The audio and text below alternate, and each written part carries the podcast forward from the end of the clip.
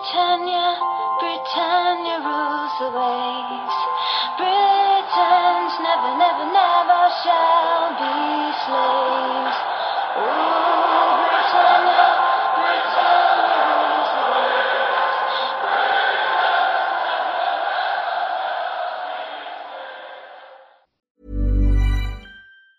Hiring for your small business? If you're not looking for professionals on LinkedIn, you're looking in the wrong place. That's like looking for your car keys in a fish tank. LinkedIn helps you hire professionals you can't find anywhere else, even those who aren't actively searching for a new job but might be open to the perfect role. In a given month, over 70% of LinkedIn users don't even visit other leading job sites. So start looking in the right place. With LinkedIn, you can hire professionals like a professional. Post your free job on linkedin.com slash achieve today.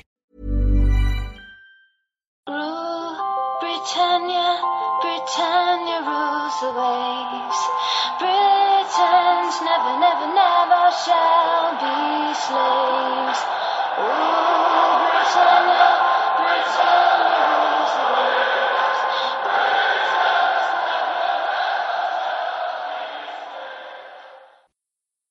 Hej och välkomna till avsnitt 45 utav Svenska FPL-podden. Idag ska vi köra en laggenomgång, en gedigen sådan och vi har valt att dela upp det här avsnittet i två delar precis som vi gjorde förra säsongen. Så det här är alltså del 1 där vi kommer gå igenom lagen eh, bokstavsmässigt från Arsenal på A ner till Wolverhampton. Men nu i del 1 så går vi alltså från Arsenal till Liverpool. Det, eh, ni som eh, precis har eh, börjat lyssna eller hittat till podden, eh, se till att gå med i vår svenska FPL-poddens poddliga. Det är en ligakod som ni hittar på vår Facebook-sida med samma namn. Men jag nämner den även här. Ligakoden är RSUV49. Och ja, vi kan väl innan vi hoppar in i Arsenal som du ska starta med Stefan bara presentera att vi är väldigt glada att uh, kunna eh, nämna ett samarbete som vi har med Glenn Sportsbar den här säsongen och deras Fantasy Premier League-liga. Eh, Glenn Sportsbar kommer att sponsra poddens liga med presentkort på 3000 kronor som kommer tävlas ut i poddligan den här säsongen. Och eh, kort om Glenn, man kan säga personerna som, som eh, ligger bakom Glenn, de delar vårt stora intresse för FPL och har spelat eh, fantasy i över tio säsonger. De driver tre stycken sportbarer i Göteborg som heter Glenn Sportsbar där huvudsporten som visas är Premier League. De har en egen liga också som är en betalliga. Så om man är intresserad av att gå med där så kan man kolla upp deras Facebook-sida Eh, som eh, finns länk till på, på vår sida. Och eh, det kostar 200 kronor att vara med i deras, eh, deras liga eh, för en säsong. Och eh, det är väldigt fina priser där. Du eh, kan vinna en resa tillsammans med en vän och få kolla på valfri match i Europa under nästa säsong. Och eh, dessutom så är, går vissa av pengarna till en väldigt bra sak.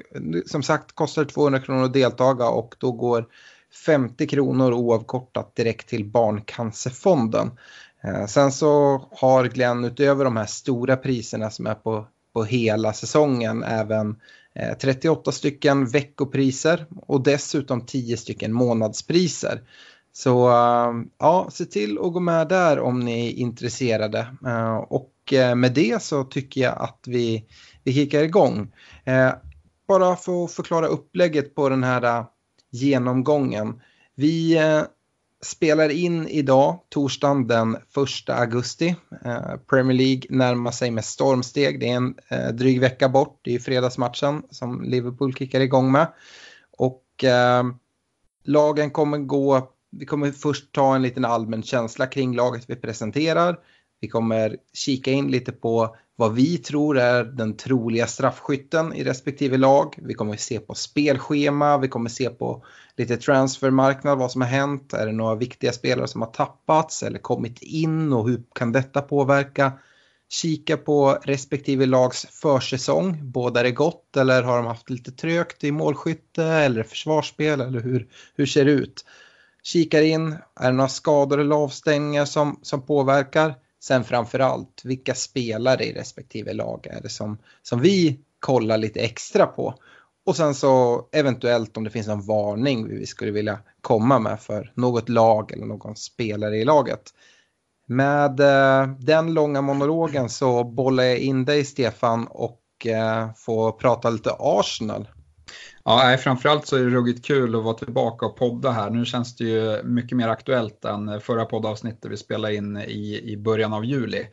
Eh, så det ska bli riktigt kul. Eh, och jag kickar igång med, med Arsenal då. Eh, och där skulle jag säga min generella tanke är att det kan gå lite hur som. Jag har blivit mer positivt inställd nu när vi har dunkat iväg lite pengar för Nicolas Pepe. Eh, men, men i ett positivt scenario så ser jag väl att vi utmanar om Champions League-platsen. Eh, det var ju väldigt tajt om den eh, fjärdeplatsen där redan i fjol.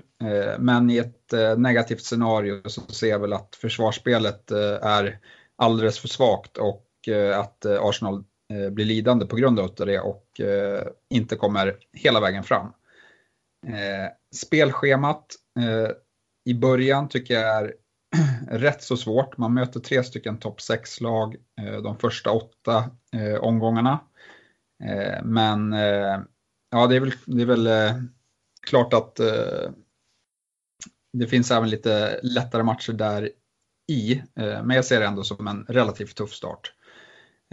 Straffskytt, där hade jag skrivit ner Aubameyang för Lacazette, men vårt nyförvärv Nicolas Pepe, han dunkade in nio straffar för Lille Eh, i fjol. Eh, så att eh, den, den är rätt oklar så här in i säsongen. Aubameyang missade ju en straff mot Tottenham i ett viktigt skede av säsongen. Så att vi får se lite där. Jag tror att, att Oba har fortsatt förtroende, men, men jag är inte helt säker där. På, på transfersidan så, så är det ju Eh, vår rekordvärvning, dyrast eh, i Arsenals historia, eh, Nicolas Pepe, eh, som eh, blev klar idag eh, faktiskt. Eh, och det här kommer ju ge Arsenal ett, eh, ett väldigt fruktat anfall. men vi är fortsatt svaga bakåt. I övrigt kan man notera att Ramsey har lämnat och tilltänkt ersättare är väl inlånande Ceballos från Real Madrid och det, det, den eh, traden känns ju lite osäker på förhand eh, då Ramsey var etablerad. och Ceballos är ung och inlånad eh, så man vet aldrig hur det kommer se ut. Eh, jag har även grävt lite i, i Nicolas Pepe. Eh, han har ju en väldigt imponerande säsong i Lille bakom sig. Eh, han gjorde 22 mål och 11 ass vilket eh, bara tre spelare i Europa mäktade med att slå, alltså 33 eh, Eh, målinblandningar och det var eh, Lionel Messi med 49, eh, Mbappé med 40 och så Cagliarella med 34. Sen kom Pepe som fjärde lirare där. Han var även den enda spelaren i Europas topp 5-ligor som hade 100 skott på mål, 100 lyckade tacklingar och 100 lyckade dribblingar. Så han är lite av allt möjligt och Eh, kikade lite YouTube-klipp på honom. Han är en, han är en rapp dribbler men även en bra finisher och eh, eh som sagt eh, jobbar rätt hårt.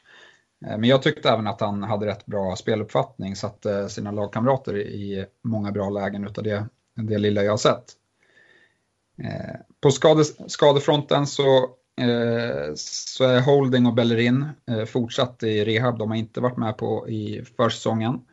Eh, de har ju båda, dras ju båda med allvarliga knäskador. Eh, så det är lite oklart här. Jag tror att de är i slutskedet av sin, eh, sin rehab, men det är ju väldigt stort frågetecken om de kommer vara redo från starten av säsongen. Jag tror att man får räkna med att de kommer tillbaka en, två månader in. Försäsongen i övrigt har varit helt okej, okay, varken till eller från. Man har gett många yngre chansen och de har imponerat, framförallt Enketia och eh, eh, Willock eh, tycker jag har sett fina ut. Eh, men om vi kommer till spelare då, så i min bok så är väl det Aubameyang och Lacazette som kommer eh, vara de som tar mest poäng. Men det får man ju även skriva in nya nyinvärvade Nicolas Pepe i den analysen nu som jag tror kan göra det bra ifrån sig utan att liksom bli alltför exalterad. Eh, Ceballos han är prissatt på för 5,5 miljoner vilket är eh, en intressant eh, priskategori givet att han etablerar sig i startelvan vilket är mer osäkert. Annars skulle jag vilja lyfta en, en väldigt stor chansning men jag tror att Chambers för 4,5 i försvaret är en potentiell startspelare faktiskt. Han är den spelaren som har spelat mest minuter på försäsongen. Med det sagt så skulle jag vilja höja ett varningens finger för samtliga försvarare från Arsenal då jag inte ser hur, hur försvarsspelet ska kunna bli bättre med nuvarande trupp. Så det är väl så jag känner. Alex, eh, har du några generella tankar om, om Arsenal? Nej, jag tycker det är kul att du nämner Chamber som var där och styrde upp Fulhams spel eh, förra säsongen. Det vet vi hur det gick. Eh, man kan väl nämna också en varning kring Korselny som har bråkat en del i Arsenal och Eh, jag vet inte om du har någon mer info där men jag antar att han inte kommer, kommer spela speciellt mycket den här säsongen om det inte händer något speciellt här eh, inom, innan, innan allt drar igång. Nej, det senaste jag har läst om Kurselny är ju att han, vill, eh, han har bestämt sig för att lämna. Men att Emery ändå försöker övertala honom att, att vara kvar den här säsongen då han fortfarande tycker att han är väldigt viktig för Arsenal. Äh, men vi får se hur det slutar. Det känns just nu som att det lutar mer åt att han kommer lämna faktiskt. Mm. Vilket, ja. vilket då försvara, försvagar försvaret än mer då, skulle jag säga för att han var fortfarande i fjol, även om han inte är i sitt, eh, sin toppform längre, så, så var han eh, ändå bidragande på något sätt. Mm. Eh, en annan sak, eh, jag vet inte om du har koll på det, men Beirin och Holding, har du någon status på dem? De är väl skadade båda, men vet du någonting om när man kan förvänta sig att de kommer tillbaka? Jag tänker att du nämner Chambers, det måste väl påverkas kring när Holding kommer tillbaka, för jag skulle väl gissa att han går före i hackordningen. Ja, nej, som sagt, de har ju spelat noll minuter på försäsongen så att eh, samtidigt så verkar de vara, eh, liksom, de tränar rätt hårt nu, man, de postar massa bilder från, eh, från sin rehab så eh, jag tror att, eh, att eh, det rör sig om en, en till två månader kanske eh, som, till som de kan vara borta. Yes. Eh, och vi fortsätter med spännande nyförvärvet Pepe. Eh, hur tror du att det kan påverka? Jag skulle gissa att han går in, det har inte kommit något pris eller så i fantasy än, men jag skulle gissa att han kommer klassas som forward, skulle jag tro, eh, tillsammans med Aubameyang och Lacazette. Men eh, man vet väl aldrig, det har hänt konstigare saker tidigare än kanske klassas som mittfältare, men min gissning är forward. Vad skulle du säga är en rimlig prispunkt för honom? Man säger att Aubameyang ligger på 11 och Lacazette 9,5. Jag skulle inte utesluta att han står som mittfältare. Jag, vet, han, jag tycker att han är väldigt eh, lik i spelstil som, som Mohamed Salah till exempel. Han står ju som mittfältare. Men eh, eh, ja, eh, det, får, det återstår att se. Men han borde ligga någonstans eh, runt 10 miljoner eh, rent spontant. Mm. Sen, är, sen vet vi inte, alltså franska ligan är ju mycket lägre status på än Premier League såklart. Så att eh, eh det kommer ju bli svårare för han. Eh, men, men jag, utav det lilla jag har sett som sagt eh, så, så tycker jag att han ser fin ut. Och eventuellt så är han ju första straffskytt också, det, det återstår att se. Det bör innebära att han startar till höger, Aubameyang till vänster, Lacazette centralt så att det går in och tar egentligen Nivobis roll. Ser du ett 4-3-3 eller en 4-2-3-1 eller något motsvarande? Ja, dels så har ju Emery pratat mer om att eh, det kommer bli mer fyrbackslinje i år än tidigare och den här värvningen eh, bekräftar ju bara det att eh, det kommer bli ett 4-2-3-1 spel tror jag eh, som allra oftast, eller kallar det 4-3-3, men, men där Åba från vänster och PP från höger och Lacazette i mitten. Det, det, tror jag är den givna startuppställningen framåt. Eh, och sen, sen är det mer, kommer det säkert vara massa rotation på mittfältet likt i fjol eh, och så en fyrbackslinje. Mm. Hur, eh, hur ställer du Aubameyang mot Lacazette eh, om, i dina tankar kring kanske, jag vet inte, jag tror inte att du kollar på någon av dem i din starttrupp men kanske lite senare under säsong, hur håller, de, håller du dem? Jag tänker att det diffar ändå en del i pris.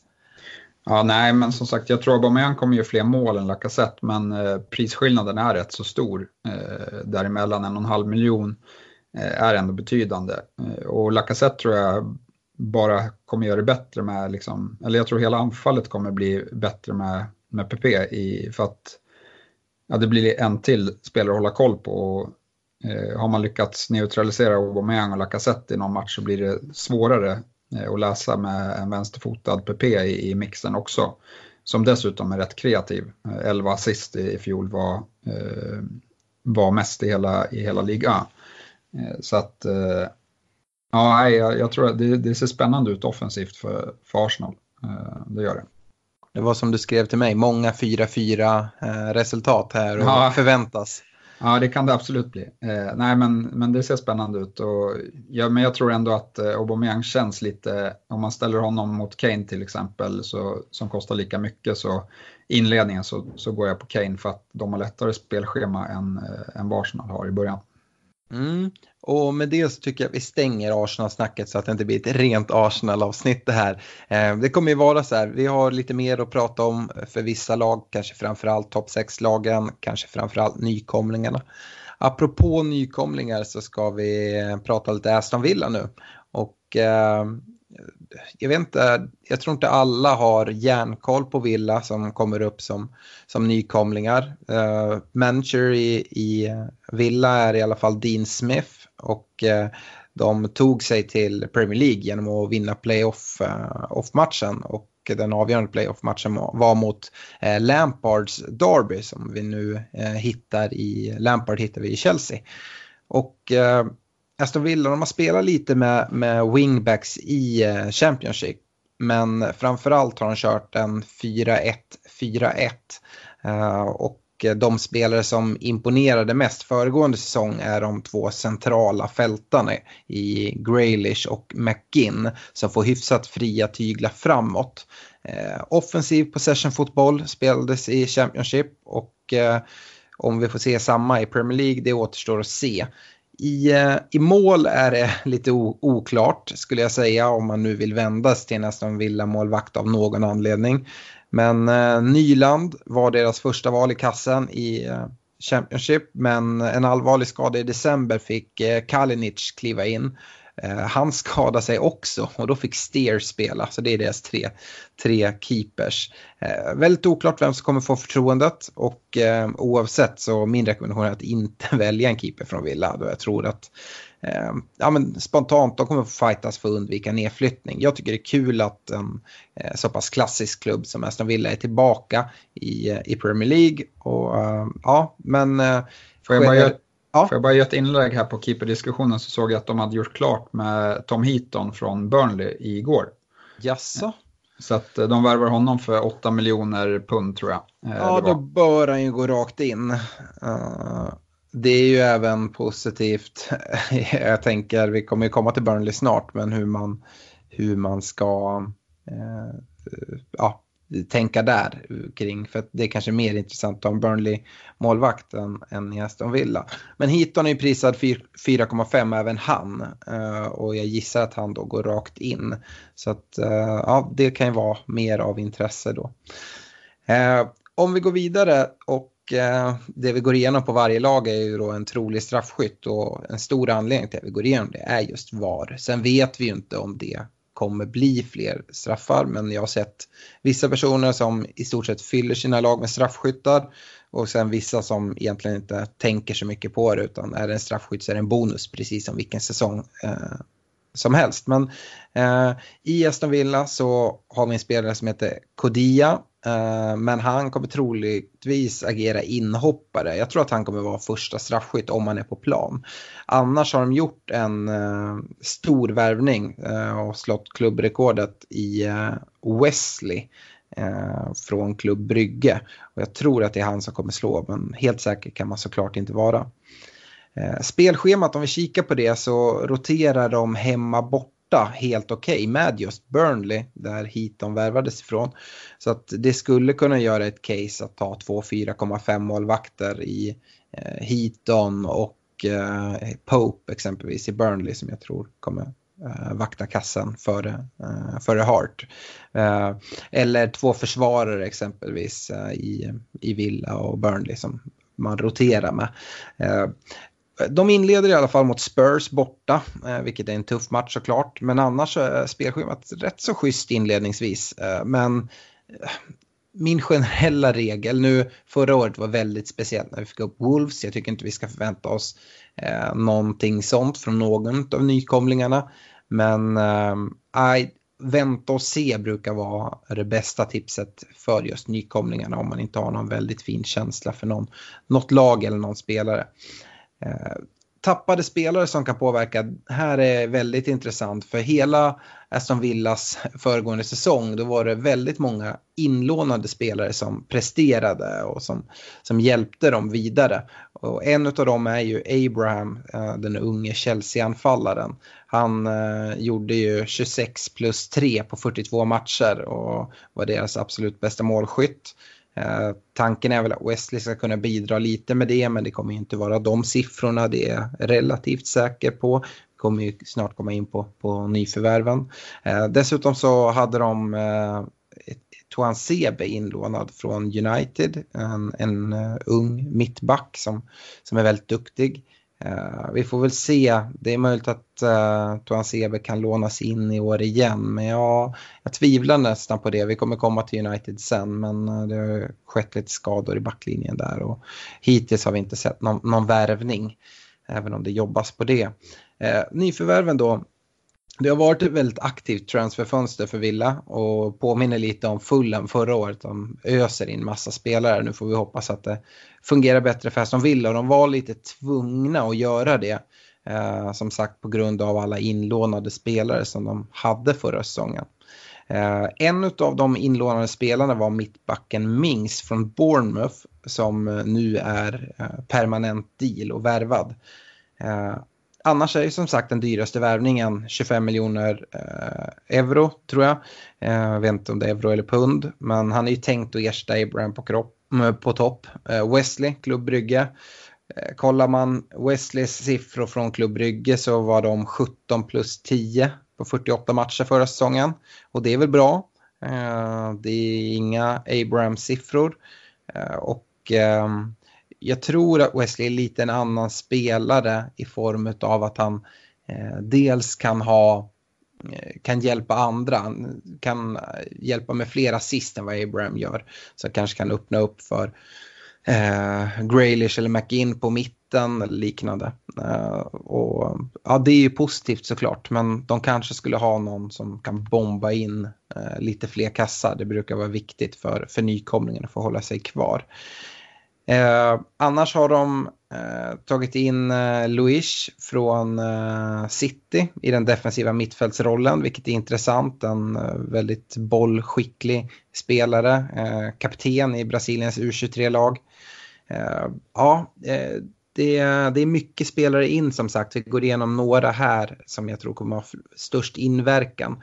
Och eh, det är alltid när det är mycket spelare in att man ska få ihop det och nykomlingar och så här den generella tipset är att avvakta med nykomlingarna och, och se lite. Man får hålla ett extra öga uh, på dem i, i starten.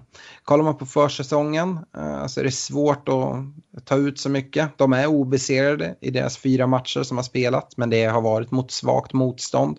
Lite väl svagt kan jag tycka. Konstigt att man inte testar sin styrka mot lite bättre lag. Men uh, ja, både Wesley och eh, Graylish har gjort 2 plus 2.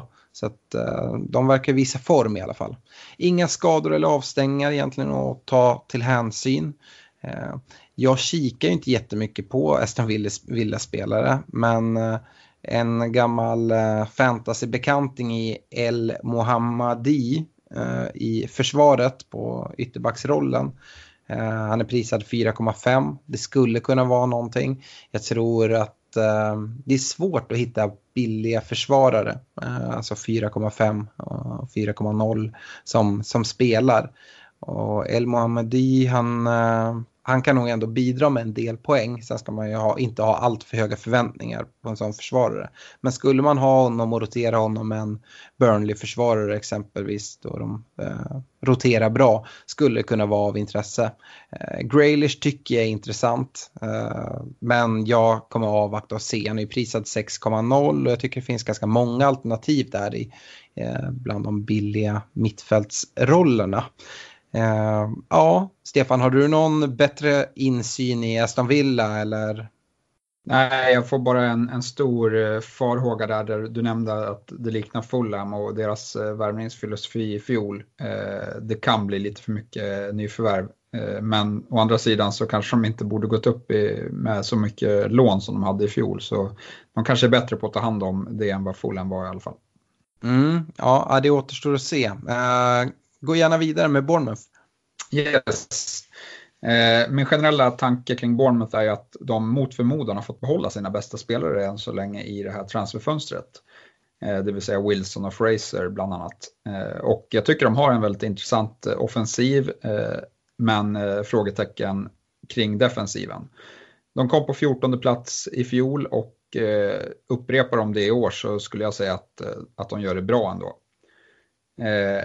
Inledande spelschemat eh, tycker jag ser rätt bra ut om man bortser från eh, Manchester City-matchen i omgång tre. Eh, straffskyttar har vi King före Wilson och det tror jag inte kommer förändras. Det såg ut så förra säsongen och det känns som att det fortsätter vara så. De har värvat in den holländska landslagsyttern Danjuma. Han har, det blev klart igår tror jag. Han har fortfarande inte fått något pris i, i eh, fantasy. Och sen har de värvat tre stycken från Championship. Billing, eh, mittfältaren från Huddersfield för 5,0 och så två eh, backar i Kelly och Stacy, båda prisade till 4,5. Eh, och du nämnde ju att eh, de även har sålt Mings till Aston Villa. Eh, I övrigt så det som verkligen står ut i Bournemouths fall är ju att de har väldigt mycket skador redan innan säsongen har dragit igång. Eh, jag tror att om det var igår så bekräftade de att Brooks kommer missa minst eh, tre månader med en eh, allvarligare skada. Eh, sen innan så är både Stanislas, Gosling, Francis, Daniels och Cook eh, långtidsskadade. Eh, så att det är ingen jättegynnsam position att gå in i en ny säsong med ja, fem, sex etablerade namn på, på skadelistan. Försäsongen den har, varit, eh, den har väl varit okej okay, men de har endast eh, spelat fyra matcher och eh, mött rätt så beskedligt motstånd. Så jag tror att det är svårt att utläsa allt för mycket från, från den försäsongen. Och jag tror inte att vi kommer se så stora förändringar. De, de mest intressanta spelarna skulle jag säga är Fraser på mitten. Han har blivit upprisad till 7,5. Men kan han uppvisa samma form som i fjol då, då är han fortsatt intressant med den prislappen. Eh, sen har vi King och Wilson, där är väl större frågetecken. King kostar 6,5 i år medan Wilson har fått ett pris på 8,0. Eh, och här känner jag väl spontant att diskussionen är lite mer som eh, i Arsenal-fallet med Aubameyang och Lacazette. Det är väl inget snack om att Wilson kommer ta mer poäng än vad King kommer göra, men frågan är hur mycket mer och om det är värt att betala en och en halv miljon mer för, för Wilson. Eh, liten fördel att King är straffskytt i år nu då med, med VAR kanske, men eh, det får vi se om det blir, blir fler straffar. Eh, jag vill höja varningens finger för eh, Bournemouths eh, försvarare även om jag tycker att eh, Nathan Ake för 5,0 gör, gör, ett bra jobb och är farlig på offensiva fasta eh, för Bournemouth. Eh, har du några andra eh, tankar kring, kring dem? Ja, lite grann. Eh, precis som du höjer ett varningens finger för Bournemouth så skeppar de en hel del kassar bakåt eh, förra året och de har ju inte gjort några defensiva förstärkningar även om du eh, nämner de här unga ytterbackarna som de har tagit in. Eh, jag tror att vi kan förvänta oss ett eh, likadant Bournemouth som bombar på framåt och ja, men, hoppas att det ska hålla bakåt. Sen så eh, lite intressant som jag kan tycka det kan väl vara målvaktssituationen där. Vi precis eh, som tidigare, vi har tre målvakter, prisade 4,5. Alla vi som spelade fantasy förra säsongen vet att det var lite kaos där förra året om eh, Begovic och Boruc. Att, eh, fick, Begovic fick chans på chans Eh, och gjorde bort sig mer eller mindre tycker jag. Släppte billiga kassar. Sen fick vi se unge Travers komma in här i slutet av säsongen och gjorde det riktigt, riktigt bra. Har du någon koll från försäsong, vem det är som har stått och vad man kan förvänta sig? Eh, jag kan kika upp det lite snabbt här men eh, det verkar som att Travers är den keeper som har stått mest på försäsongen. Även om alla har fått lite spel. Men de har spelat så pass få matcher också så att det är svårt mm. att utläsa. Men, men som du säger så Boruc vet jag ju, han är ju jättegammal nu. Och Begovic, Begovic är ju var ju riktigt, riktigt dålig. Ja, men riktigt dålig. Precis. Begovic, eller Boruc, han, fyller, han är 39, han fyller 40 i februari. Eh, så att, eh, jag vet inte. Eh, jag tror att eh, det vore smart för Bournemouth att satsa på, på Travers eh, när han är så lovande eh, och se om han håller eller inte. Mm. Sen, Men, sen kan jag inte annat än att hålla med dig gällande Wilson-King-diskussionen. Att jag tror också att Wilson kommer ta mer poäng. Men för mig är det en no-brainer och King är en spelare som jag verkligen, verkligen kollar till. Jag tycker det finns extremt mycket värde i de 6,5 som han kostar. Eh, det troliga är att jag kommer starta med honom i, i mitt privata lag i alla fall. Ja, Nej, men det var väl det om Bournemouth. De jobbar med väldigt små medel. De har väl den minsta arenan i, i ligan och har säkert en av de eh, eh sämst ställt ekonomiskt eh, också. Eh, så att eh, de, de gör bra det, det de eh, presterar, tycker jag.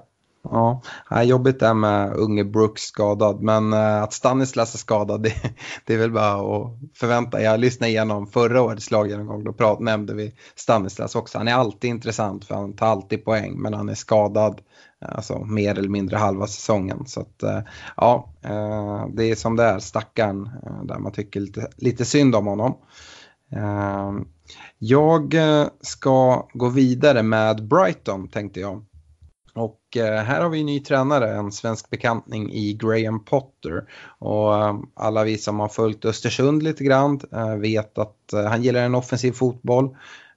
Och det blir lite intressant för Brighton har ju tidigare haft en ganska solid defensiv, framförallt på hemmaplan och eh, i fantasy har man framförallt vänt sig till deras defensiva kuggar i Dunk och Duffy eller Ryan i kassen. Ehm, frågan är, kommer den här eh, solida defensiven eh, fortsätta nu med ambitionen om att spela en mer offensiv och attraktiv fotboll? Ehm, ja, svårt. Jag tycker också att man ska notera att Brighton endast vann tre matcher av de sista 23 ligamatcherna förra året. Det är ju inte statistik som känns jättelovande för Potter att gå in med. Eh, nu är det en ny säsong förvisso, men eh, avslutningen av förra säsongen brukar kunna säga en del om hur det ser ut eh, framåt. Nu har det inte gjort speciellt mycket värvningar heller. Eh, trolig straffskytt eh, är Glenn Murray, eh, still going strong.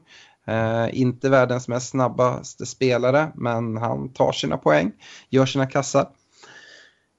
och Brighton är intressanta av den anledningen att eh, spelschemat är ett av de mest intressanta inledningarna vi, vi kan se. Eh, man ska även nämna att de roterar väldigt bra med Watford, om man nu siktar på att gå med. Till exempel eh, Foster och Ryan i kassan om man kör taktiken med två 4,5 målvakter. Eller om man går på försvarare eller så. Eh, tappade spelare som kan påverka, ja, det är inte jättemycket. Det, de har ju lånat ut Knockout eh, till Fulham. Eh, Lite, det blev lite ramaskri i, i eh, supporterleden då Nocca var en, en stor fanfavorit. Men eh, de har ju tagit in en väldigt eh, intressant ytter som vi kommer komma till. Sen ska det nämnas också att eh, Louis Dunk, eh, han har ryktats en del till Leicester som en eventuell ersättare till Maguire om han skulle försvinna. Alla, det är väl ingen som har missat den soppan kring, kring Maguire.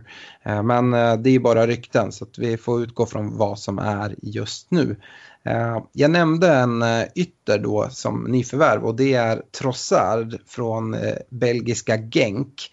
Han en, tycker jag är en väldigt intressant ytter och jag skulle tro att det är någon spelare som Potter haft ögonen på länge. Han gjorde 22 plus 11 på 47 matcher som ytter i Genk. Eh, väldigt int intressant såklart belgiska ligan men eh, jag tycker ändå att det som ytter och gör 22 kassar eh, och gör mål i nästan varannan match. Det, det är starkt oavsett. Sen har de även tagit in en mittback i Clark från Portsmouth som jag eh, förväntar mig vara en reserv till Dunk eller Duffy om det är någon som går sönder. Ehm, Eh, försäsongen, där kan vi nämna då att Trossard han har gjort eh, 1 plus 3 på fyra matcher. De har spelat fyra de också. Också här ganska sparsmakat motstånd. Eh, de har tre vinster och en torsk. Eh, 11-4 i målskillnad. Två nollor har de hållit. Men som sagt, de här försäsongsmatcherna. Visst, man ska kolla på det och kan hitta några riktiga spelare som är tidigt i form. Men eh, samtidigt så det luftas jättemycket och eh, det är svårt att säga hur motståndaren är oavsett om eh, det ser ut att vara eh, etablerade lag som möts så vet man inte riktigt vart de är i sin försäsong och sånt. Så det får man ta med sig. Eh, kollar man skador och avstängningar så eh, är det Iscuerdo eh, skadad och missar starten här.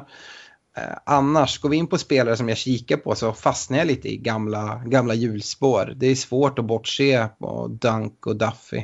Eh, Duffy har nickat in två kassar här på försäsongen på två matcher. Vi vet att eh, både Dunk och Duffy är hot offensivt. Eh, sen så är Dunk prisad 4,5 och enligt mig en av de mest intressanta 4,5 försvararna medan Duffy är prisad 5,0.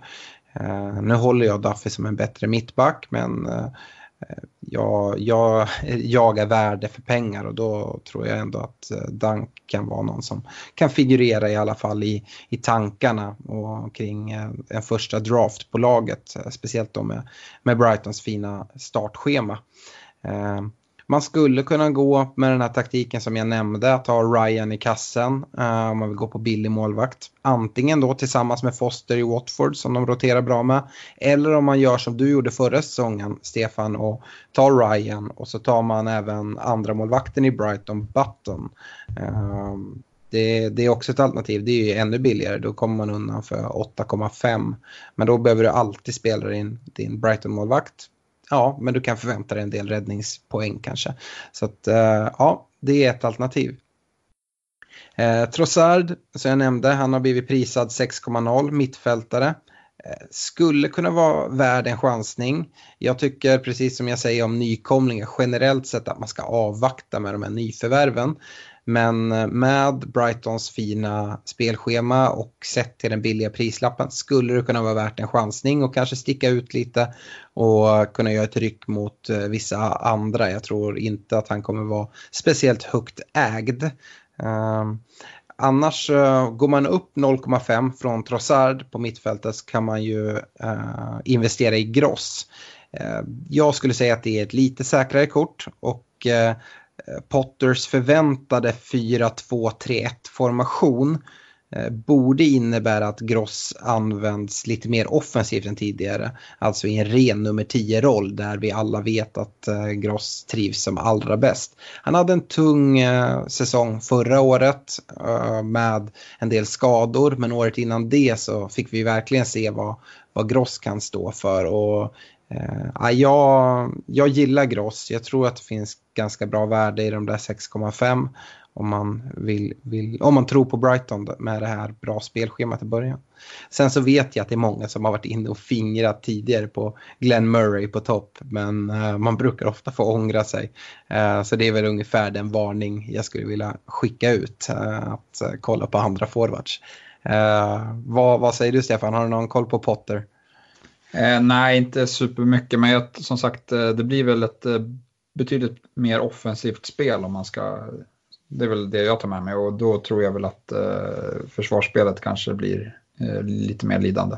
Eh, så eh, jag, jag kollar mer på offensiva spelare från Brighton än, än defensiva eh, inledningen. Även ja. om jag tycker Dunk är intressant prissatt i 4,5. Ja, men håller du med där om, om Pascal Gross? Ja, absolut. Han, han tror jag att eh, liksom, man kan ha en sån säsong där man har massa skador som förföljer en och liksom att man kanske börjar på försäsongen och att man inte får en riktig uppbyggnad och så fortsätter det. Så att eh, han är hel nu och så, så då tror jag absolut att han kan, eh, att han kan eh, bidra. Han spelade också längre ner i banan förra säsongen. Det tror jag påverkar honom rätt mycket och det tror jag inte han kommer göra under Potter. Så det är det jag vill lyfta fram. Ja, ja men jag fortsätter med, med Burnley då. Eh, Burnley kom på 15 plats i fjol eh, och detta trots en väldigt tung inledning där de hade Europa League-spel eh, i början. Eh, jag tycker att de har ett grundspel som, eh, som borde räcka för, för nytt kontrakt och eh, de, de har sett rätt bra ut på, på försäsongen faktiskt. Eh, spelschemat kunde varit bättre. De har en väldigt tung inledning, eh, fyra första omgångarna. inte första men sen de, omgång två till fyra. Men från omgång fem så är det väldigt många eh, enklare matcher på pappret i alla fall. Eh, tio stycken närmare bestämt tror jag, där det bara är en match eh, som, som eh, är lite svårare. Eh, så det gör dem intressant från, eh, i alla fall från omgång 5. Straffskytt Wood första, kommer nog fortsätta vara det och Barnes som inte Wood är på plan.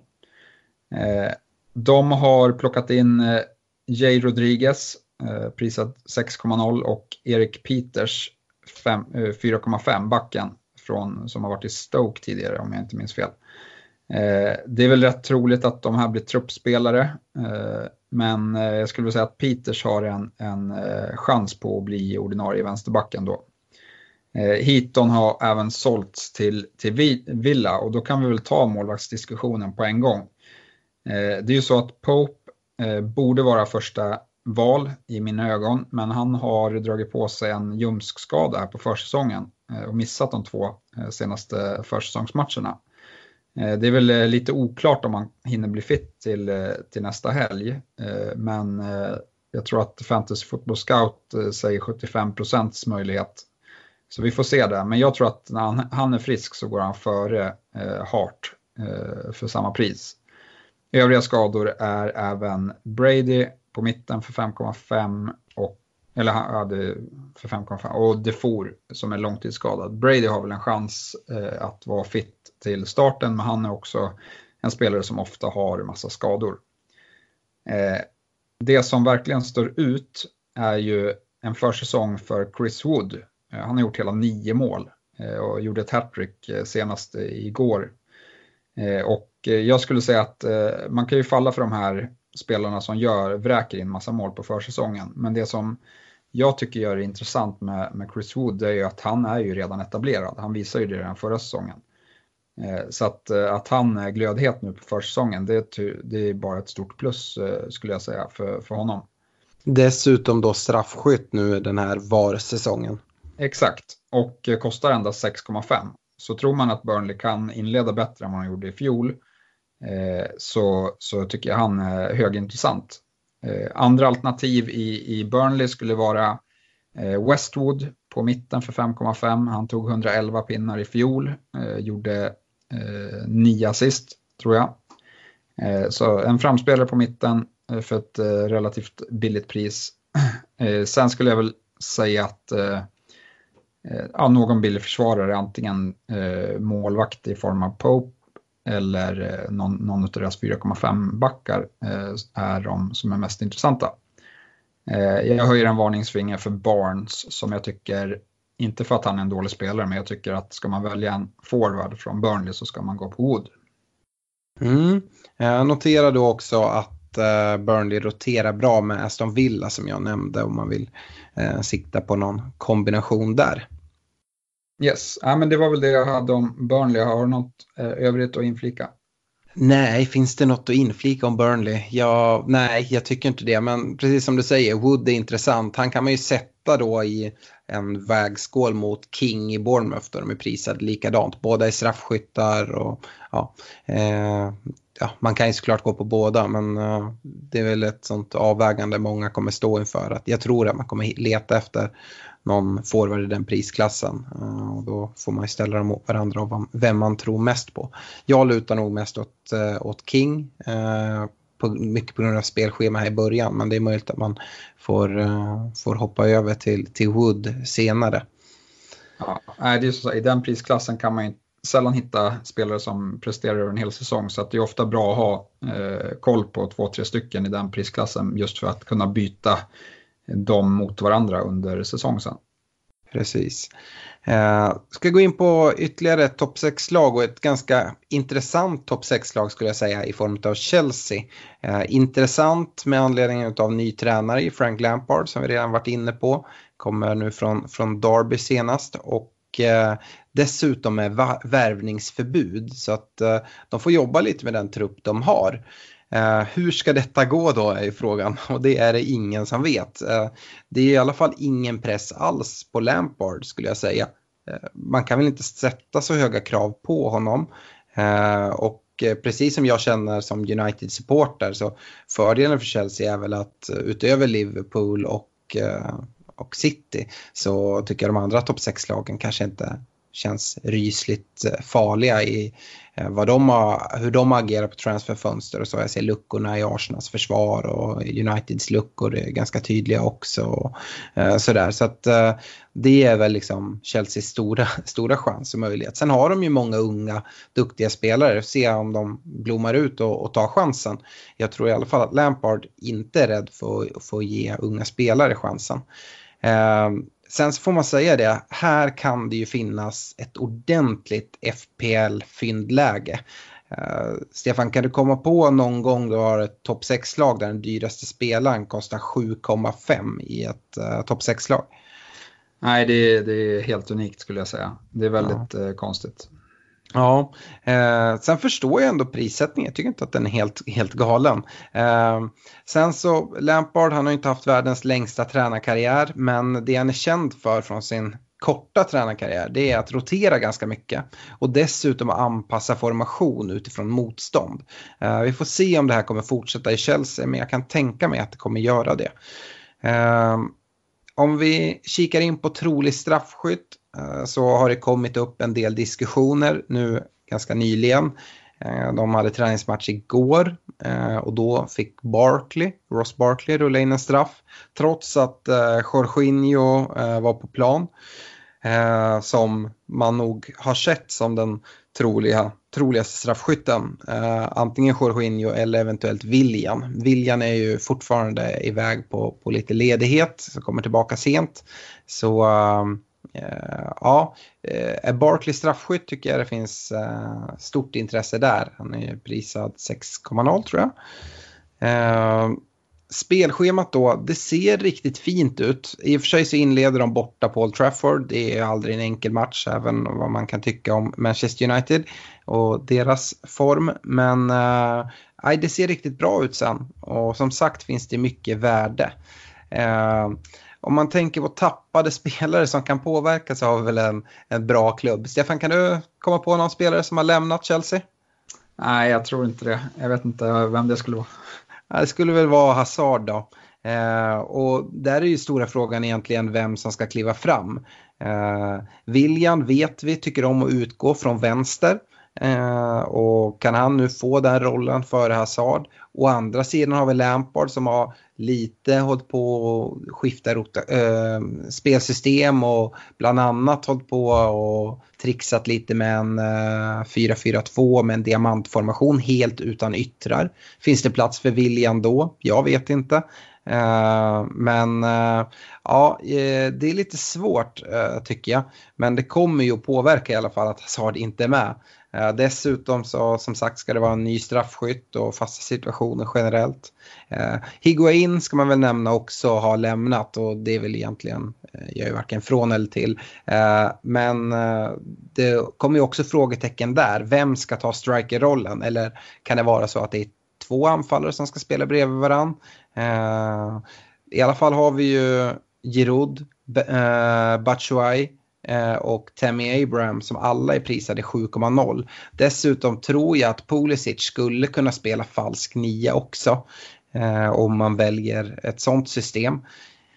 Eh, jag tycker det är svårt. Jag tror att Giroud kommer ha förtroende, men precis som jag var inne på, lite beroende på motstånd så kommer det ändra spelare. Han, det har i alla fall sett ut så på, på försäsongen och jag tror att det kommer fortsätta. Abraham är ju intressant och han får man väl nämna som ett nyförvärv även om han har varit ägd av eh, Chelsea. Eh, 26 mål i Championship, jätteintressant såklart. Uh, Pulisic kommer in, ehm, hade väl en ganska svag säsong i Dortmund men det behöver inte betyda så mycket. Man får ändå tänka att ah, man vet inte vad huvudet var riktigt och, och sådär. Dortmund gick ju i och för sig bra men Pulisic kanske var svagare än vad han har varit. Ehm, ser man på försäsong så har Pulisic ändå imponerat. han eh, Eh, senast igår mot eh, Salzburg så gjorde han 2 plus 1, eh, bara för att nämna det. Eh, så ja, eh, intressant att se. Eh, jag tycker dock som sagt med de här eh, nyförvärven att jag avvaktar gärna eh, i någon omgång och, och får se dem spela. så Pulisic är inte med i mina mina tankar direkt men jag har han liksom under, under lupp jag vill ha koll på, på hur det går. Eh, sen så har de ju även tagit tillbaka en annan spelare, eh, precis som Abraham som varit på lån. Så Kurt Soma som var i Everton gjorde det riktigt bra och styrde upp Evertons försvar. Eh, han har kommit tillbaka. Nu när Rydiger är skadad så förväntar jag mig att Zuma kommer starta bredvid David Luiz i mittlåset före Christensen. Eh, så eh, Kurt Zuma eh, tycker jag ska nämnas. Eh, försäsongen då, de har spelat sex matcher, eh, 16-9 i målskillnad. Uh, unge Mason Mount på mittfältet uh, har gjort uh, tre baljor. bra långskott och det är någonting som, som Lampard gillar. Man ser Darby gjorde en hel del mål från utanför boxen. så både Mason Mount och jag tänker en spelare som Ross Barkley borde kunna passa in i det. Uh, Mason Mount har fått jättemycket beröm av uh, eh, Lampard och kommer säkert få en del speltid. Sen är han prisad till 6,0. Jag hade nog hoppats att han skulle vara lite billigare. För, för 6,0 får man även Barkley. Och han har eh, uh, 3 plus 3 här på försäsongen. Och ja, i, han borde kunna passa rätt bra in. Sen så är frågan som sagt hur mycket Lampard kommer att hålla på att rotera och hålla på med sin uppställning fram och tillbaka. Men eh, Barkley håller jag ögonen på ordentligt. Eh, något som är tråkigt tycker jag, är, eh, om vi går in på skador och avstängningar, det är att Ruben Loftus-Cheek eh, har en skada. Annars är det en spelare jag tror väldigt mycket på den här säsongen. Jag tror han kommer få väldigt mycket förtroende från Lampard. Så han, han tänker jag hålla koll på när han börjar komma, komma tillbaka. Dessutom är Hudson och Doy då skadad, prisad 6,0, intressant. Eh, Rydiger skadad också eh, och han lär väl ta platsen bredvid Luis när, eh, när eh, han är tillbaka. Om inte Kurt Zuma har gjort det fantastiskt bra, vilket vi inte ska utesluta. Eh, jag har ju nämnt vilka spelare jag kikar på, eh, men Barkley gillar jag, Pulisic tycker jag man ska ha koll på på sikt eventuellt William. Det man ska ha koll på är att William fortfarande inte är tillbaka från semester där de spelar Copa America. Eh, så jag tycker absolut inte man ska ha William i sin starttrupp. Eh, det är en rekommendation från min sida. Och eh, annars så varnar jag lite för Kanté.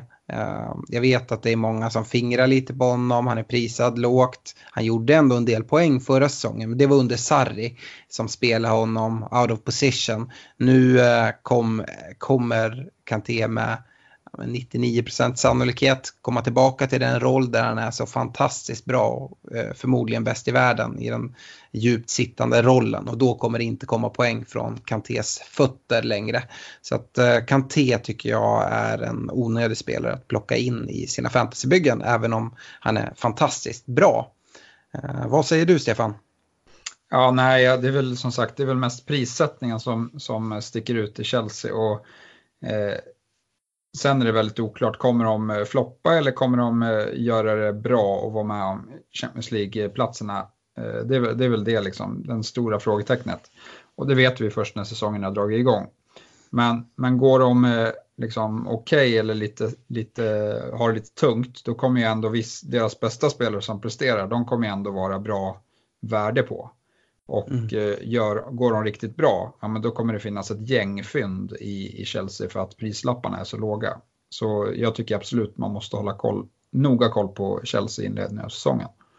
Hur tänker du kring min tanke runt anfallarna där? Jag tycker man ska hålla koll på det såklart men jag avråder ändå från att starta med någon av dem då det känns väldigt oklart vem det är som kommer spela och jag tror att eh, Lampard kommer använda alla tre lite under säsong och vilket motstånd som möts. Ja, nej, jag, jag håller med. Där är jag rätt skeptisk. Jag, jag kollar mer mot mittfältarna. Jag tycker Pulisic är intressant eh, och om nu Lampard kommer hålla på att byta eller formationer så känns han ändå som en spelare som är rätt eh, mångsidig. Eh, så att eh, kan spela på många olika positioner vilket borde gynna honom i, i en sån situation. Annars så kollar jag mycket på, på Barkley som har gjort en stark försäsong och Loftus Cheek som jag också, också tror mycket på fast som är skadad. Då. Mm. Ja, då kör vi vidare med Crystal Palace.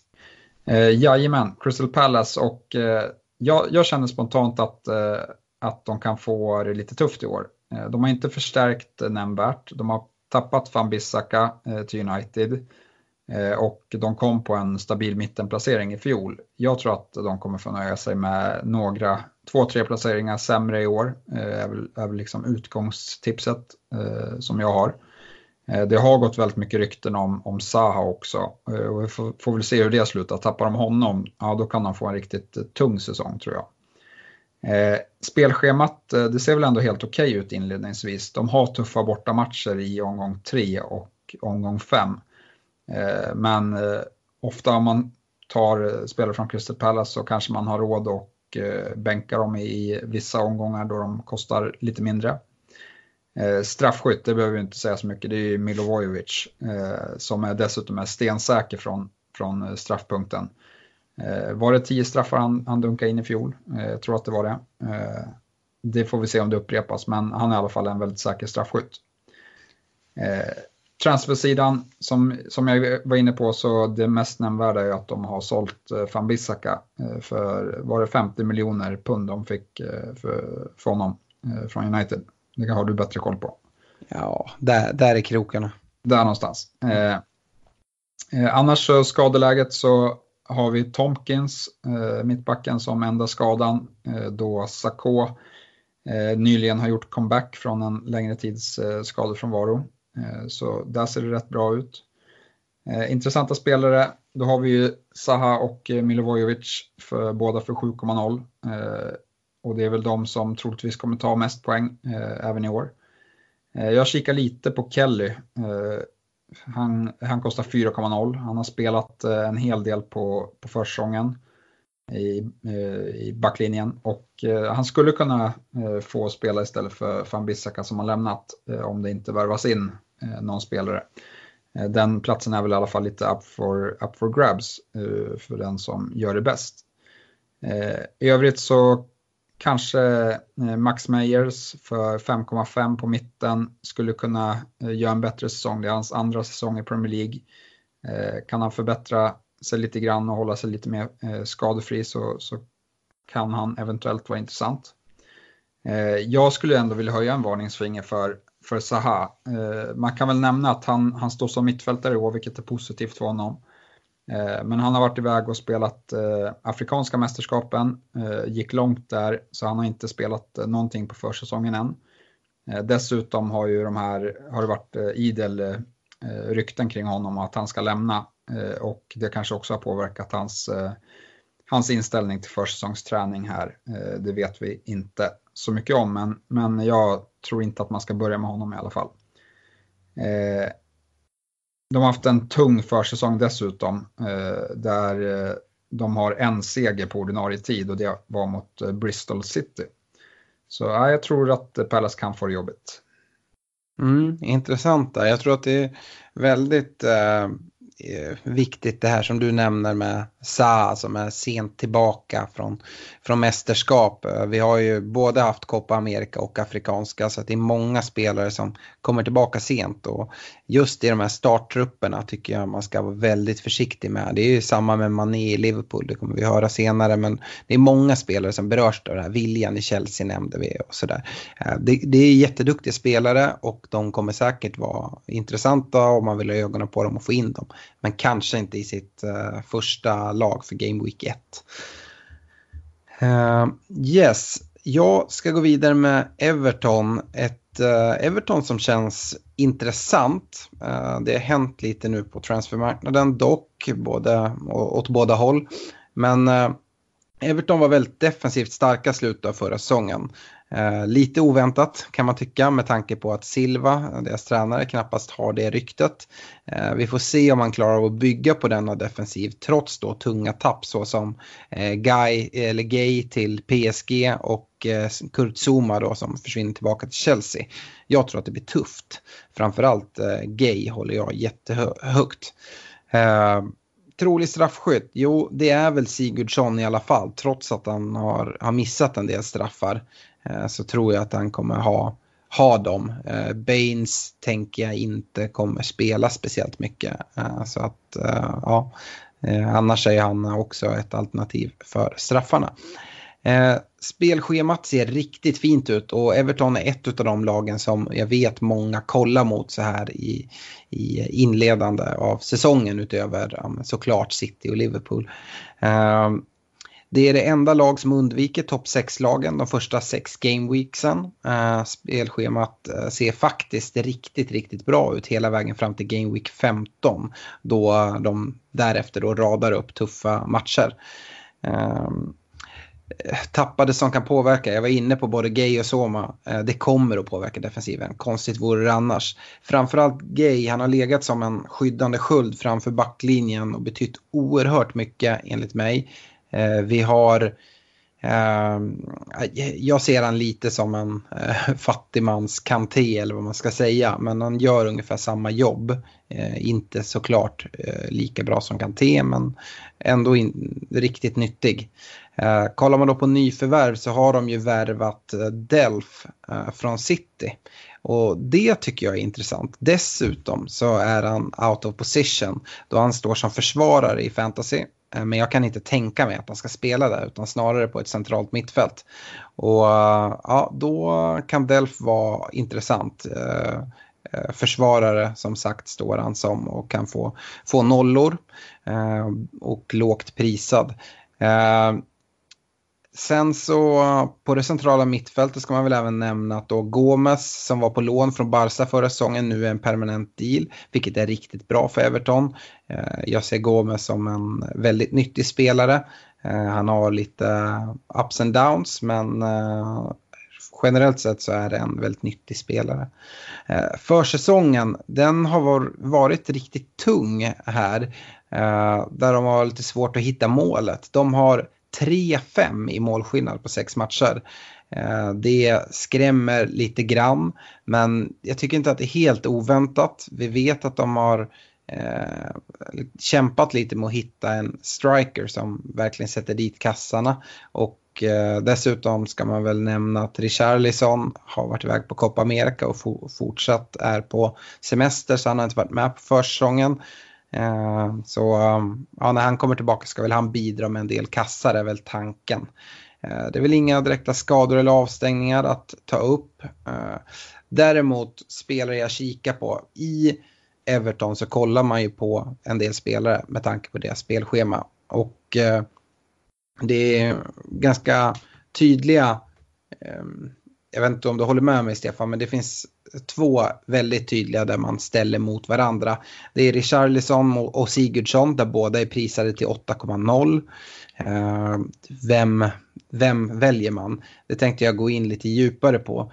Eh, jag tycker att prisbilden 8,0 är lite svår för en tredje eller fjärde mittfältare i alla fall när jag ska sätta ihop mitt lag. Eh, men eh, om man kollar på dem, båda har för och nackdelar. Om vi börjar med Richarlison så har han eh, fördelen att han brukar inleda starkt eh, tidigt i säsongen. Eh, han kan dessutom användas out of position, alltså som en ren striker. Han gör poäng i perioder, det kan ju både vara positivt och negativt. Men Eh, sen så har vi nackdelarna med, eh, med Richarlison. Det är att han har röda kort i sig, det har vi sett tidigare.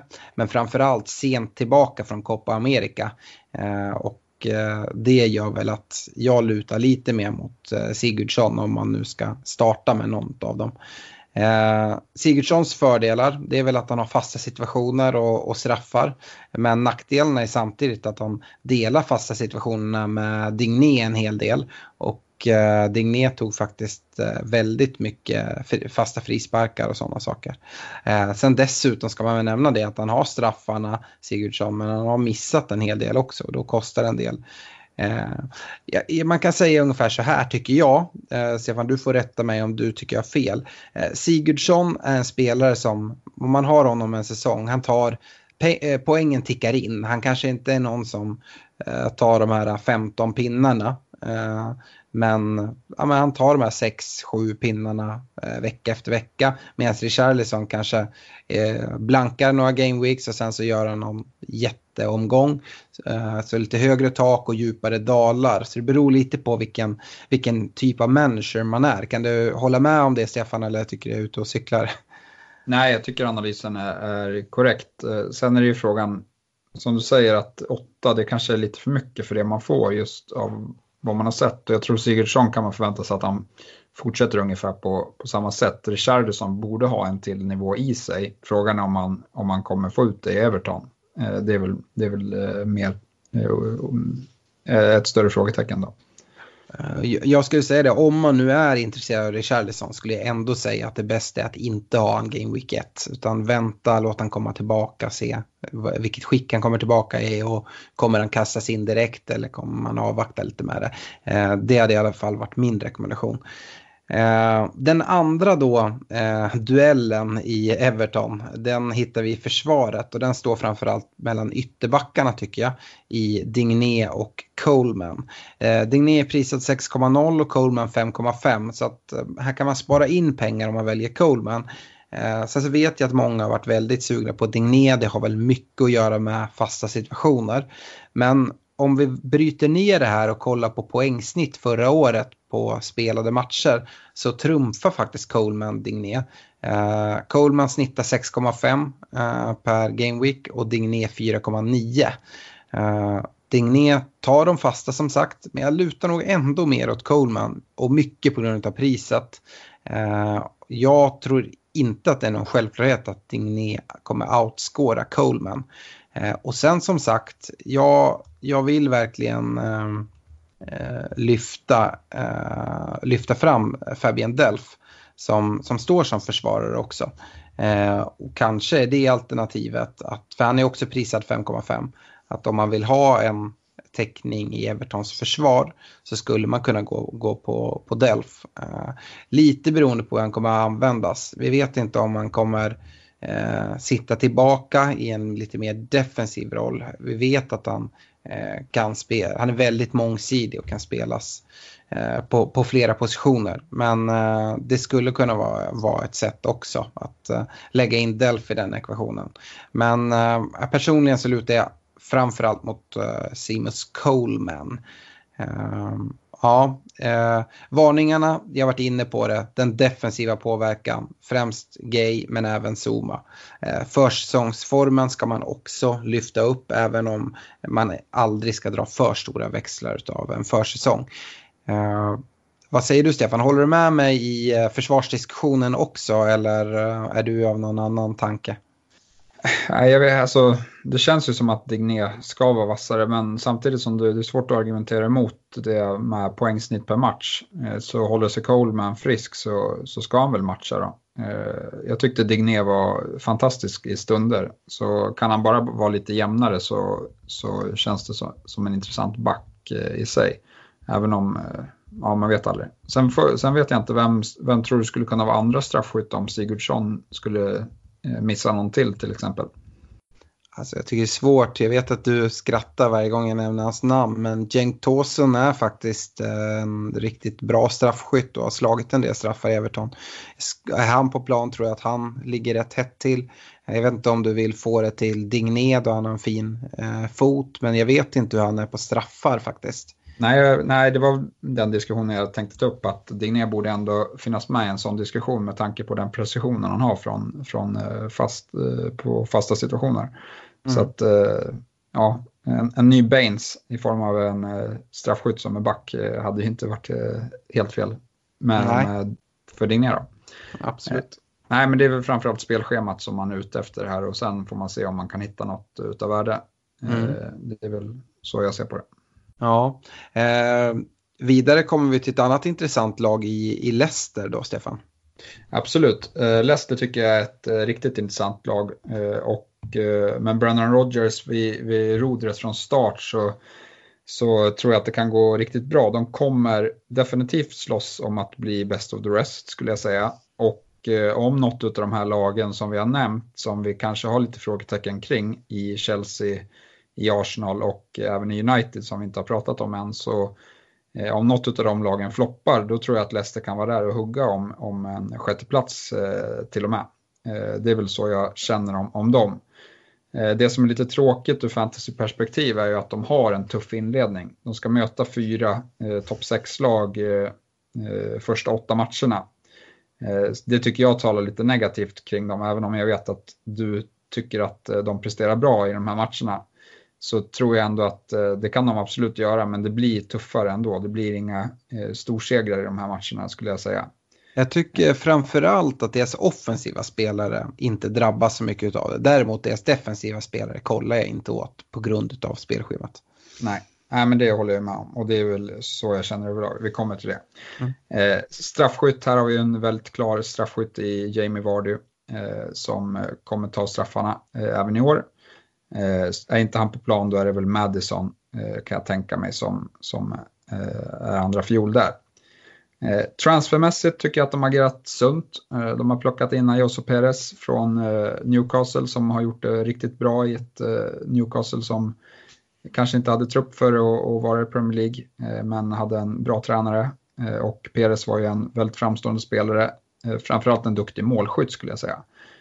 Och sen har de eh, värvat eh, Tillemans Thielemans från, eh, från Monaco. Gjort klart med honom som de hade på lån i fjol och det var ju väldigt bra gjort utav Leicester då han imponerade stort.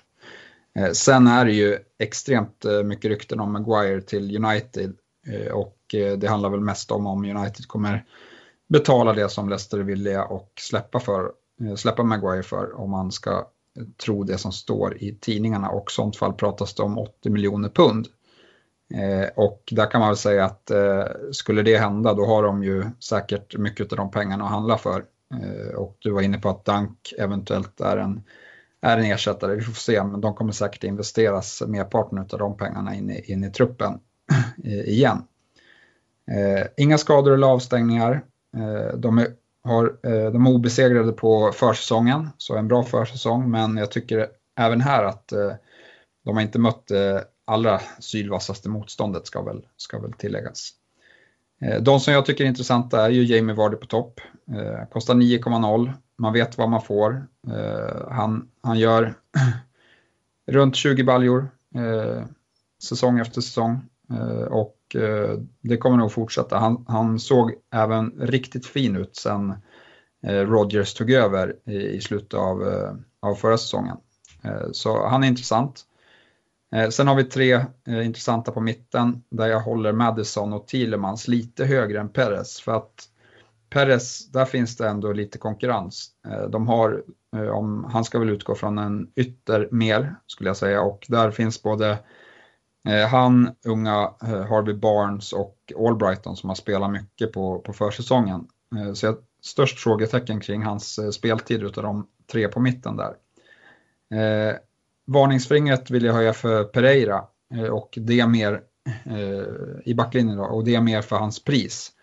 Eh, han är prisad 6,0 och det tycker jag känns för mycket för, för en Leicesterback, även om han var imponerad i fjol. Men då ska man ha med sig att han spelade en hel del högrytter i fjol i början av säsongen. Och det tror jag kommer, vi kommer se mindre av nu när de har värvat in Ayoso Perez överlag så vill jag ändå också säga att jag lockas mer offensivt av eh, ett Brendan Rodgers Leicester än, än defensivt eh, just nu. Sen får vi se, Chilwell för 5,5 skulle kunna bli intressant lite längre fram. Eh, det, det, har mycket att göra också i hur, hur deras försvar ser ut med eller utan Maguire skulle jag säga. Ja, men det är väl så jag känner kring Leicester. Jag är ruggigt sugen på att se vad de kan åstadkomma faktiskt. Mm. Ja, jag, jag eh, håller inte helt med dig, eh, vilket är, är kul. Eh, kring, kring Peres. Eh, jag håller Peres mycket högre än vad jag gör med Thielemans. Eh, jag älskar Thielemans som spelare. Eh, men jag tror att Thielemans kommer få en mer tillbakadragen roll Eh, i år. Eh, mycket med tanke, på att, med tanke på att Peres har kommit in. Peres tror inte jag kommer utgå från en kant utan snarare som eh, en släpande anfallare till Vardy. Och eh, nu får vi se om det blir så. Jag tycker att det känns väldigt intressant. Leicester spelar sin sista träningsmatch imorgon. Eh, den ehm, matchen skulle jag vilja se, eller i alla fall se ehm, startuppställning för jag tror att det är det sista. Eh, det ska vi väl nämna om alla, i stort sett alla lag har en träningsmatch kvar och den träningsmatchen betyder oerhört mycket och där kommer vi få mycket svar. Så att eh, Eh, ja, jag tycker man ska kolla på det. Jag lockas inte så mycket av Thielemans av den anledningen då jag tror att han kommer ha en mer defensiv roll. Däremot Madison är intressant. Jag tycker han är värd de extra 0,5 sett till Thielemans.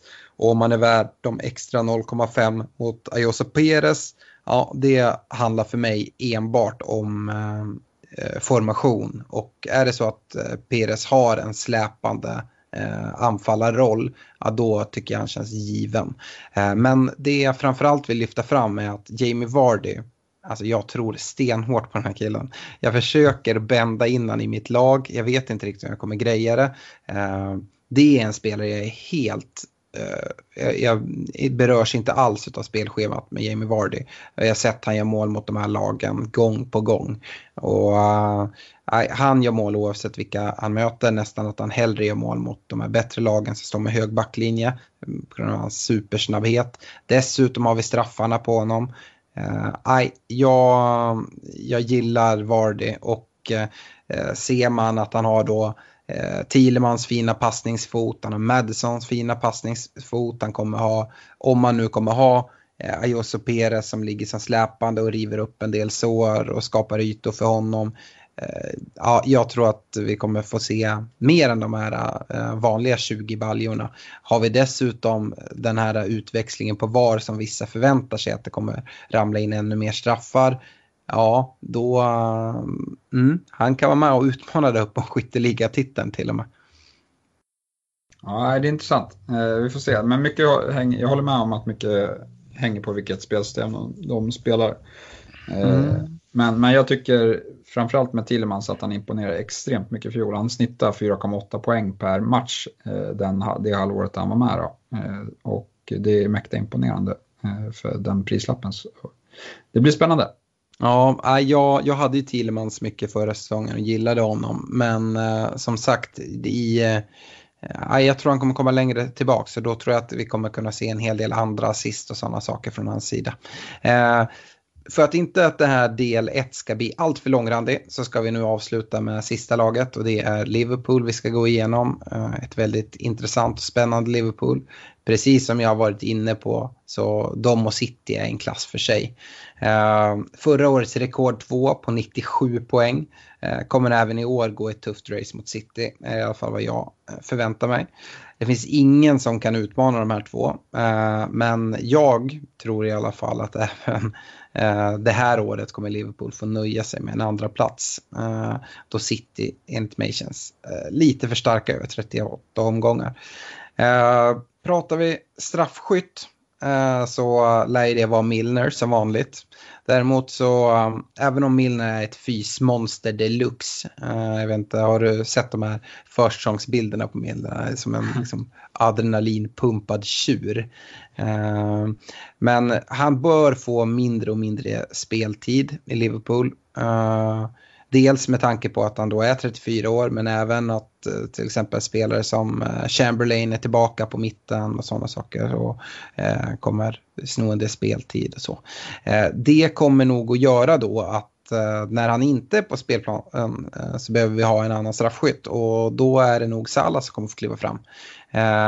När inte Milner är där. Och det, det kommer vi komma till senare men det är en väldigt viktig del kring Salah. Spelschemat, ja, eh, för Liverpool eller City så spelar det egentligen inte så stor roll vad det är för spelschema. Jag tycker inte man ska kolla så mycket på det. Men om man ändå kollar på det så ser det ganska bra ut. Eh, om vi kollar transfermarknaden så har det inte hänt så mycket. Det har man inte tappat någon spelare som vi behöver nämna. Det är lite truppspelare bara. Eh, nyförvärv, nej, det är någon ung kille som inte kommer få någon speltid. Och sen så kan man väl nämna då Chamberlain.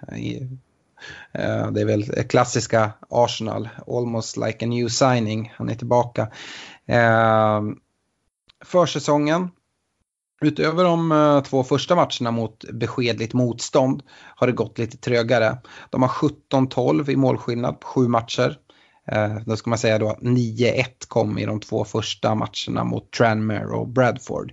Eh, man ska dock ha med sig att spelare som Mané, Salah, Firmino har spelat afrikanska och eh, varit iväg på Copa America.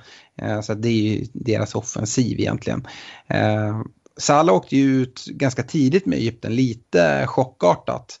Och det ska man också ha med sig. Eh, så han är tillbaka och full fart samtidigt som han är borta. Jag vet att det är många som väger dem emot varandra och det ska vi även prata om nu. Eh, vi kan väl nämna också att jag inte ser några riktiga skador eller avstängningar i Liverpool. Men om vi hoppar in på den här heta eh, nöten kring Sala och Mané. Så jag tycker inte att det är en så stor grej. Vi pratade om det i förra avsnittet, Stefan. Eh, nu är det ännu tydligare tycker jag. Eh, om vi börjar då. Eh, Salah Sala, han är för mig den mest givna spelaren i hela fantasy. han är ett solklart kaptensalternativ och tillbaka från afrikanska tidigt som gör att han får en, en mycket bättre försång och kommer att starta Game Week 1, vilket jag inte tror Mané kommer göra. Eh, dessutom skiljer det bara 1,0 emellan dem då och Mané har prisats upp en hel del. Ehm, eh, Mané levererar nästan endast på hemmaplan förra säsongen medan Salah levererar lite var som. Eh, det var ju en del snack om att man tyckte att äh, Salah han inte gjort så bra ändå eh, och jämförde med säsongen innan. Och han var ju inte riktigt lika het men fortfarande helt, ja, helt galet. Eh, för mig är det liksom inte ens en diskussion om man ska ha Salah eller Mané. Eh, det är Salah man, man ska ha.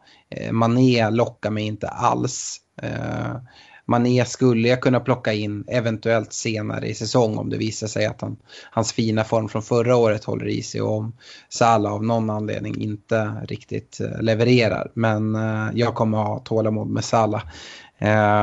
Den andra delen i Liverpool är ju deras premiumförsvarare.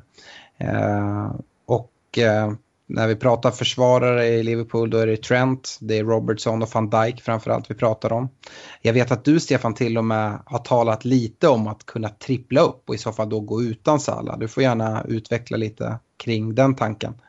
Nej, det är mest för att eh, är de lika bra defensivt som i fjol då, då kan det vara en intressant strategi. Eh, bara rent av rent av att eh, man får både defensivt och defensiva och offensiva poäng. Plus väldigt mycket bonuspoäng. Eh, det, mycket av Liverpools spel bygger ju kring eh, ytterbackarnas eh, offensiv. Och van Dijk kan ju därför bonuspoäng och fasta situationer. Så att, och nollor då. Så att ja, det är ju tre väldigt bra spelare. Frågan är om liksom, det är overkill att gå på de tre det blir ju väldigt mycket svårare med kaptensbindeln såklart om man inte har eh, Salah till exempel. Då får man ju sånt fall mer gå på eh, Tottenham och City skulle jag säga i Kane och eh, Sterling eh, som ska få bära tunga kaptensbindlar eh, eh, eh, vecka efter vecka. Mm. Uh, ja, jag förstår tanken kring det uh, och man lockas ju lite av det, det, att inte ta in för annars vill man, man vill gärna ha både Sterling och Salah uh, och kanske Kane också och då helt plötsligt blir det rätt svårt och så vill man ha någon premiumförsvarare. men ja, ett annat jag, alternativ, ja. Nej, jag tror inte, även om det är lockande att ha de tre spelarna som du nämner, Kane, Sterling och Salah så tror jag att det är alldeles för mycket eh, värde in i tre spelare för att det ska bli ett eh, bra eh, balanserat lag. Så den, den strategin tror jag inte på. Nej, jag tror att man kommer få välja två, men jag tror att man nästan bör ha två också. Eh, Yes, men en annan strategi är ju att försöka hitta den fjärde länken i det här försvaret, alltså den som kommer ta rollen bredvid van Dijk om man vill komma in lite billigare. Det är ingenting jag skulle rekommendera, men jag vet att vissa kollar på det och man kanske behöver spara in lite pengar. Där tror jag att det är Matip som kommer få starta Eh, då han gjorde det så pass bra i slutet av förra säsongen. Eh, även om Gomes nu är tillbaka. Jag tror att Gomes kom, till en början i alla fall kommer få nöja sig med att roteras lite. Eh, det ska även nämnas att jag generellt sett gillar Firmino då som hade en lite sämre FBL-säsong förra säsongen. Men min väg blir med största sannolikhet Sala och två försvarare och det troliga är att jag väljer Sala, Trent och van Dijk. Det är ja, där det lutar åt. Men eh, det svänger fram och tillbaka och jag fingrar på laget lite hela tiden. Eh, kan även nämna Allison kanske vissa vänder sig till i kassen också. Men här menar jag ändå att om man nu ska spendera 6,0 på en, en, målvakt så är det bättre att gå på Ederson i City. Där det är svårare att hitta eh, vilken självklar försvarare man ska gå på. Laporte säger vissa såklart, Eh, 6,5. Men eh, han kommer heller inte starta alla matcher. Eh, och jämfört med van Dijk som kommer spela varje match Eh, då tycker jag att det är bättre att gå med van Dijk än Laporte och så tar man Ederson i kassen. Det är svårare att hitta tre City-spelare nämligen. Så att, eh, ja, det är i alla fall mitt stora tips. Och sen så varningar. Ja, om vi ska sätta punkt för det här avsnittet. Du ska få komma in också Stefan och säga vad du tycker. Men det är ju en jätte, jättevarning från min sida att eh Eh, lockas av den här en miljon eh, eh, som man får över om man väljer Mané före Salah. Eh, det är en, ah, jag avråder starkt ifrån det. Ja, jag instämmer helt och hållet eh, och för min del så är det också antingen tre försvarare från Liverpool eller två försvarare plus Salah. Eh, det är så jag, mina lag har sett ut som jag har plockat ut här i inledningen och det bygger mycket på deras eh, fina inledande spelschema plus att jag tror också att de kommer vara det laget som utmanar City. Mm. Har du, ehm, du säger två försvarare, tänker du samma som mig där i Trent och van Dijk eller eh, vill du ha in Robertson? Nej, jag, jag kommer nog gå på Trent och van Dijk, eh, tror jag. Mm. Ja, eh, intressant. Eh, med det så avslutar vi del 1 av eh, laggenomgången. Eh, del 2 kommer komma ut här inom kort. Vi hoppas kunna spela in den imorgon fredag kväll. Och ehm, ja, se till nu att lyssna på det här och fingra lite på era lag. Men framför allt, se till att hålla koll på ehm, de här sista försäsongsmatcherna som spelas nu i helgen. Till exempel så ska Liverpool gå upp på söndag mot eh, City i eh, Charity Shield, vilket, ah, eller Community Shield, jag glömmer alltid bort vad den heter nu för tiden. Men eh, där tror jag vi kommer kunna få en del, en del svar. Så ja, följ med i det. Eh, hjälp oss att sprida ordet om podden. Jättekul att se att det är så många som, eh, som lyssnar. Eh, förra avsnittet var supermycket lyssningar. Och sen så påminner jag än, en, en gång att kolla in eh, Glenn eh, hos eh, Glenns eh, fantasyliga eh, med kanonfina priser. Så eh, hörs vi här inom kort igen. Ja, ha det bra. Hej hej.